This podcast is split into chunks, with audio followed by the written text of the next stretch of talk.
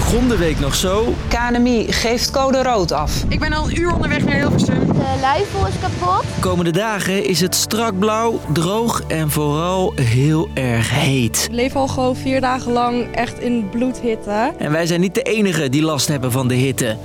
Dit jaar was juni wereldwijd de warmste juni ooit gemeten. En dat heeft te maken met de komst van dit kerstkind. Oftewel El Nino. Ik ben Jasper en ik duik met je in de hitterecords. Lang verhaal kort. Een podcast van NOS op 3 en 3FM. An astonishing milestone this week. Monday and Tuesday, the hottest days ever recorded on Earth. De maand juni was gemiddeld een halve graad warmer dan ooit gemeten. En maandag ging er nog een record uit de boeken. De gemiddelde temperatuur op aarde was die dag 17,01 graden. De dagen erna bleven we het record maar verbreken. Inmiddels staat het op 17,23 graden. Too hot. My body's not made for this type of weather, y'all. In bijvoorbeeld Amerika liep de temperatuur op tot bijna 48 graden in New Orleans en dik 40 graden in Florida. What is your strategy for staying cool? Beer. In de Death Valley woestijn in Californië was het zelfs meer dan 50 graden. I'm melting. it's hot. Just like hanging out in God's frying pan, that's all it is. Maar ook in China was het warmer dan 30 graden en in het noorden van Afrika werd het op meerdere plekken bijna 50 graden. Voor dit soort temperaturen zijn wij niet gemaakt, zegt de Wereldgezondheidsorganisatie. Last year, we saw the hottest summer with more than 20,000 people who needlessly passed away. En niet alleen op het land was het warm. Ook de zeeën en oceanen waren warmer dan normaal. Dat warme oceaanwater komt onder meer door... El Nino? El Nino. El Nino. Ja, het klinkt nog best gezellig. En El Nino betekent letterlijk ook kerstkind in het Spaans. Al vertaalt deze El Nino zich vooral in extreem weer. The latest powerful El Nino storm is hitting the west. El Nino is een natuurverschijnsel dat elke drie tot zeven jaar ontstaat in de Stille Oceaan.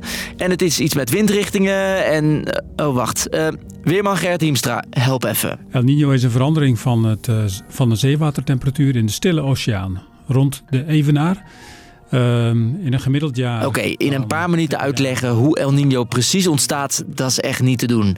Gelukkig maakten we er al een keer een YouTube-video over. Eh, check die vooral even. Er is niks kleins en onschuldigs aan deze El Nino.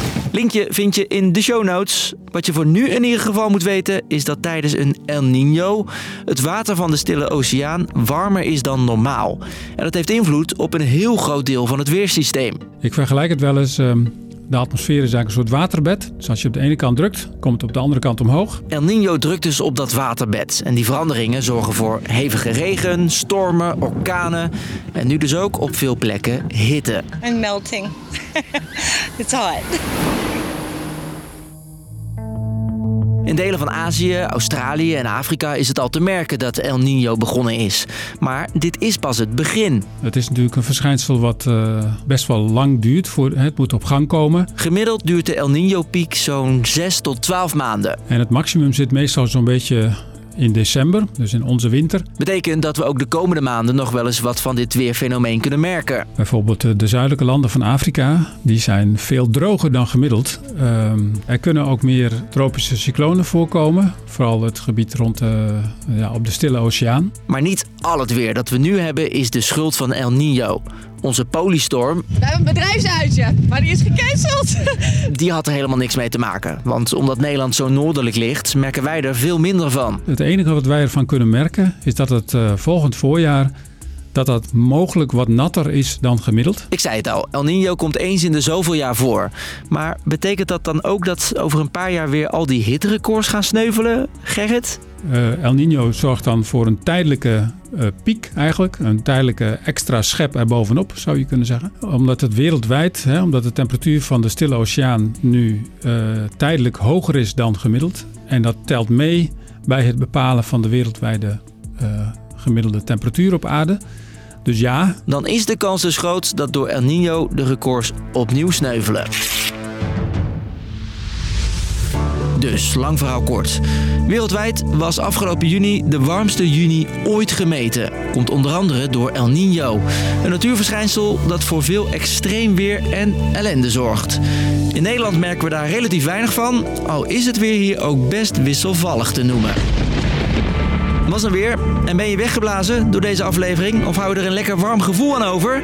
Nou, abonneer je dan even op onze podcast. Want dan waait er maandag weer een nieuwe aflevering in je app. Bedankt voor het luisteren. Doei! 3FM. Podcast. Meer muziek ontdekken? Check elke week de nieuwste tracks die je niet mag missen in de podcast 3 voor 12 niet te missen. Luister hem in de 3FM app of via je favoriete podcastplatform.